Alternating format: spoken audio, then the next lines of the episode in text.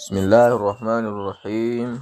Pada kesempatan kali ini saya akan membacakan podcast tentang Mas tentang bab ke-6 yaitu dari buku Sejak Islam Menghilang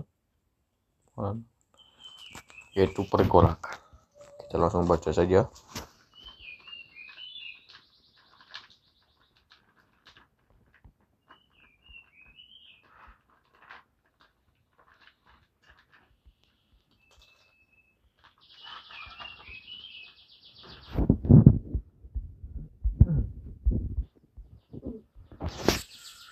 Setelah 300 tahun pertama dalam sejarah Islam, umat muslim pasti telah yakin bahwa kemenangan puncak Islam di dunia sudah dekat. Pada masa pada masa itu, Islam menyebar dengan cepat di seluruh Timur Tengah, Afrika Utara, dan Persia. Pasukan Islam mengetuk pintu Prancis India. Saat ekspansi militer berhenti, dimulai ekspansi intelektual dan ilmu pengetahuan hingga batas-batas baru yang belum pernah terlihat. Bahkan, secara ekonomi Islam memimpin dunia ketika Baghdad menjadi pusat kekuatan politik dan ekonomi dengan ba dan banyak dengan bank dengan banyak yang memiliki bank cabang sampai Tiongkok. Tambah jelas bahwa sepertinya Islam tak ditakdirkan menyebar ke setiap sudut bumi melalui pasukan, buku, dan uang. Akan tetapi takdir tak terjadi. 900 Masehi menandai awal pergolakan beberapa ratus tahun bagi dunia Islam yang takkan berakhir hingga masa keemasan kerajaan Ottoman pada pada 1500-an tahun. Dari abad ke-10 hingga ke-13, dunia Islam hampir selalu mendapat keserangan Syiah pasukan salib Eropa, gerombolan Mongol, silih berganti melakukan teror di tanah Islam. Ini menyebabkan sebagian orang pada 1200 tahun percaya bahwa akhir zaman sudah dekat. Bukan karena kerja Islam, melainkan karena kehancuran. Salah satu kelompok Syiah yang mencoba berebut yang mencoba memerangi Islam adalah kelompok Ismailiyah. Sejarah sejak awal pertumbuhan Syiah mendasar, mendasar diri pada gagasan sebagai alternatif bagi kekhilafahan Sunni arus utama. Mereka berpendapat kepemimpinan dunia Islam itu milik para imam yang memiliki hubungan khusus dengan Tuhan, bukan orang awam yang kebe yang kebetulan berasal dari Bani Umayyah atau Abbasiyah. Saat Syiah sendiri terpecah menjadi dalam terpecah dalam banyak sekte, berbagai gagasan tentang cara mengembalikan imam pun berkembang. Kelompok 12 imam tersebar sepertinya tak memiliki kegiatan politik dalam pandangan mereka, karena ilmu ke-12 menghilang, tak ada lagi pemerintahan Islam yang sah dan hidup tanpanya. Bagi mereka inilah saat untuk menunggu dengan sabar hingga kembali dan membuka peradaban impian pada akhir zaman. Akan tetapi, bagi kaum tujuh imam, pandangan yang melenakan seperti itu tak akan berhasil. Mereka yakin imam ketujuh, yaitu Ismail, telah pergi bersembunyi untuk menghadiri penangkapan oleh otoritas Abbasiyah pada pertengahan tujuan. Tak seperti kaum 12 imam yang percaya tak ada imam yang akan datang hingga kembalinya yang terakhir. Kaum tujuh imam yakin keturunan Ismail terus hidup tersembunyi di antara penduduk Islam pada umumnya. Jadi mereka biasa disebut Ismailiyah. Kebenaran tentang kehidupan Ismail bahkan ia benar-benar ada atau tidak sangat kabur dalam sejarah dan mitologi yang jelas. Tak lama setelah dia menghilang atau meninggal, para pendakwah mulai berpergian ke seluruh Timur Tengah dan Afrika Utara serta berusaha membangun dukungan Imam Ismaili. Bagi Abbasiyah yang telah memperkuat diri melalui jaringan penduduk rahasia, melakukan segala hal untuk membasmi ancaman yang disebarkan oleh kaum Ismailiyah ini. Usaha ini hanya berhasil menekan gerakan Ismaili hingga semakin sembunyi-sembunyi dan semakin jauh dari jangkauan Abbasiyah. Utusan Ismailiyah menyebar ke seluruh kota-kota besar di dunia Islam dan sepertinya berhasil mengumpulkan dukungan yang be bukan berbasis gagasan revolusioner, melainkan rasa tidak puas yang mungkin dimiliki terhadap otoritas Abbasiyah. Aliran ini secara khusus populer di kelas bawah.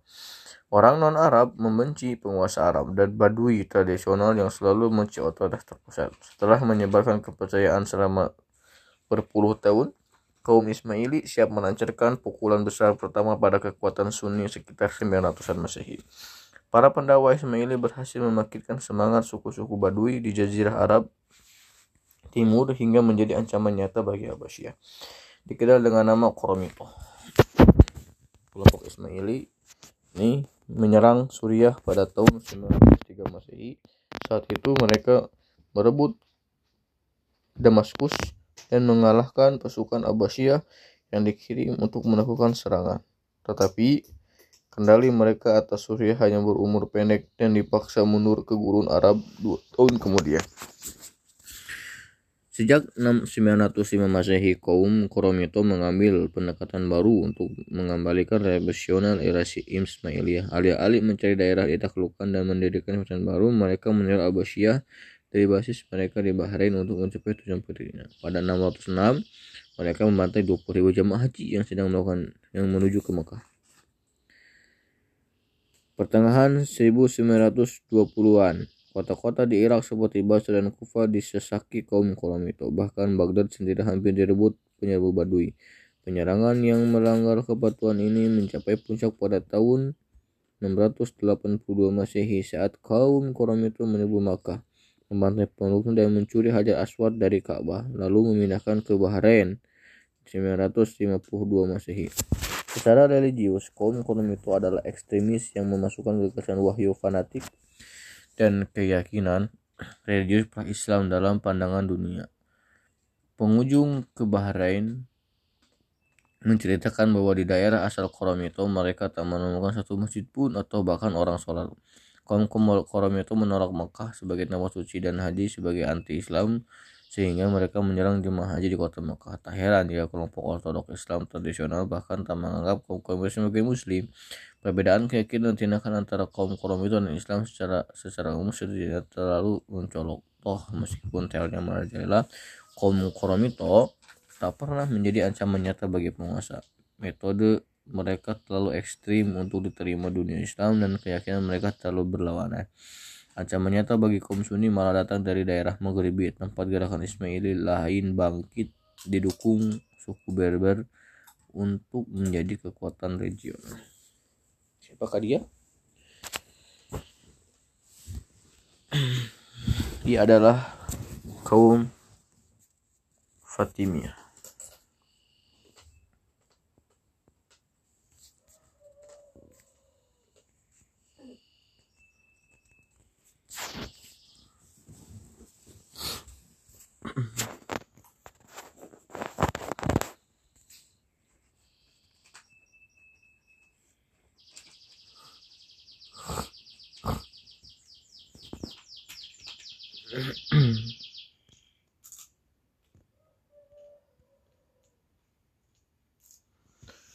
Pendakwah Ismailiyah relatif sukses di Afrika Utara. Di sana mereka mampu mengeksploitasi ketegangan tradisional antara suku Barbar di gurun Sahara dan suku Arab di kota-kota pantai untuk keuntungan mereka.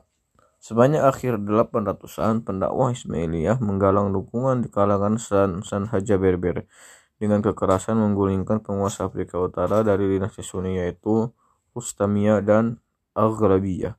Menjelang 608, pada 609 Masehi, kelompok Ismailiyah ini menyatakan kemunculan kembali seorang imam kota Ismail yang bernama Ubaidillah, tetapi yang menyebutkan Al-Mahdi, berarti yang, yang menjadi mendapat petunjuk dan penyelamat. Asal usul Ubaidillah tidak jelas. Ia mengklaim dirinya sebagai keturunan Ismail. Dengan demikian juga dari Ali Fatimah istrinya. Ini mengarah pada saat nama dinasti yang didirikan Fatimiyah.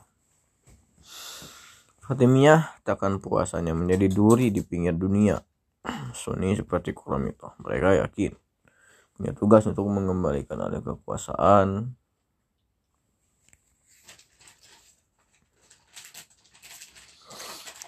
Maka kekuasaan Al-Hakim berbeda dari yang lain karena kebrutalan dan penindasannya masyarakat di bawah kekuasaan Fatimiyah. Tak bisa digeneralisasi apakah mengalami toleransi atau penindasan? Tidak ada.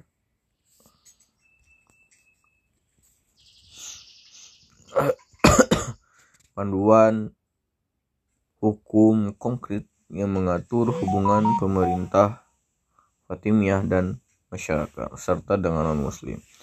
Hal ini tampak kontras dibandingkan dengan pemerintahan Abbasiyah dan dinasti Sunni lain yang paling tidak secara formal terkait pada hukum Islam. Para khalifah Fatimiyah sebagai manusia setengah dewa diperbolehkan menjalankan bentuk otoritas personal yang lebih besar. Maka setiap khalifah yang baru bisa mengubah secara mendasar karakter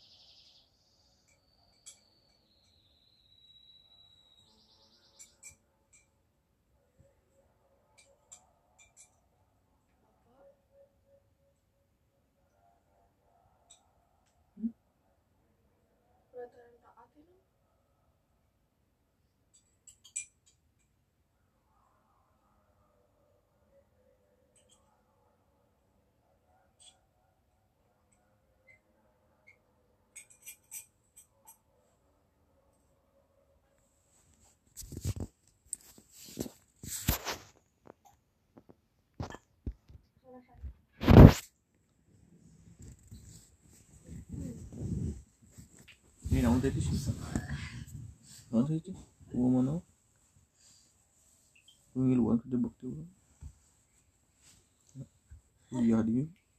Kuliah. Perang salib. Mungkin tak ada konflik dalam sejarah Barat dan Islam yang begitu penuh emosi seperti perang salib. Konflik itu sendiri berkisaran di kota Yerusalem, tempat suci bagi Yahudi, Kristen, dan Islam. Bagi orang Kristen di sinilah Yesus berdakwah, disalib, dan bangkit kembali. Bagi orang Islam, kesucian bersumber dari keyakinan bahwa Nabi Muhammad menemui berpergian dari Mekah ke Yerusalem dalam satu malam. Kemudian dari Yerusalem naik ke surga untuk berbicara dengan Tuhan. Selama perang salib, kenangan akan kejadian tersebut ribuan kali dibangkitkan oleh para raja, sultan, jenderal, pendeta, dan imam untuk mengumpulkan orang-orang beriman kedua belah pihak.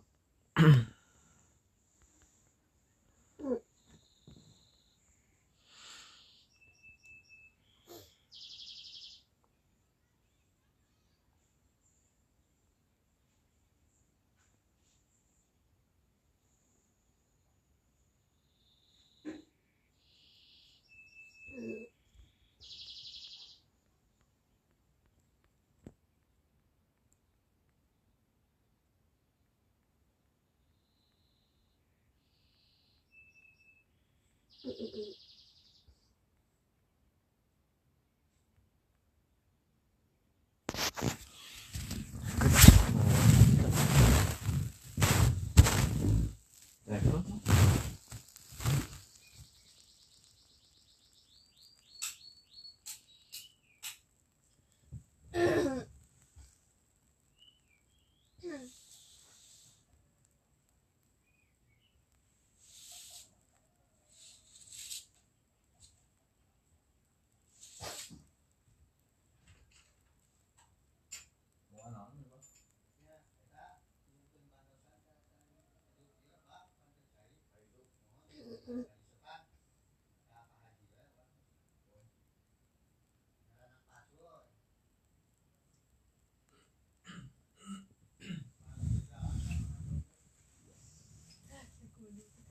Baik.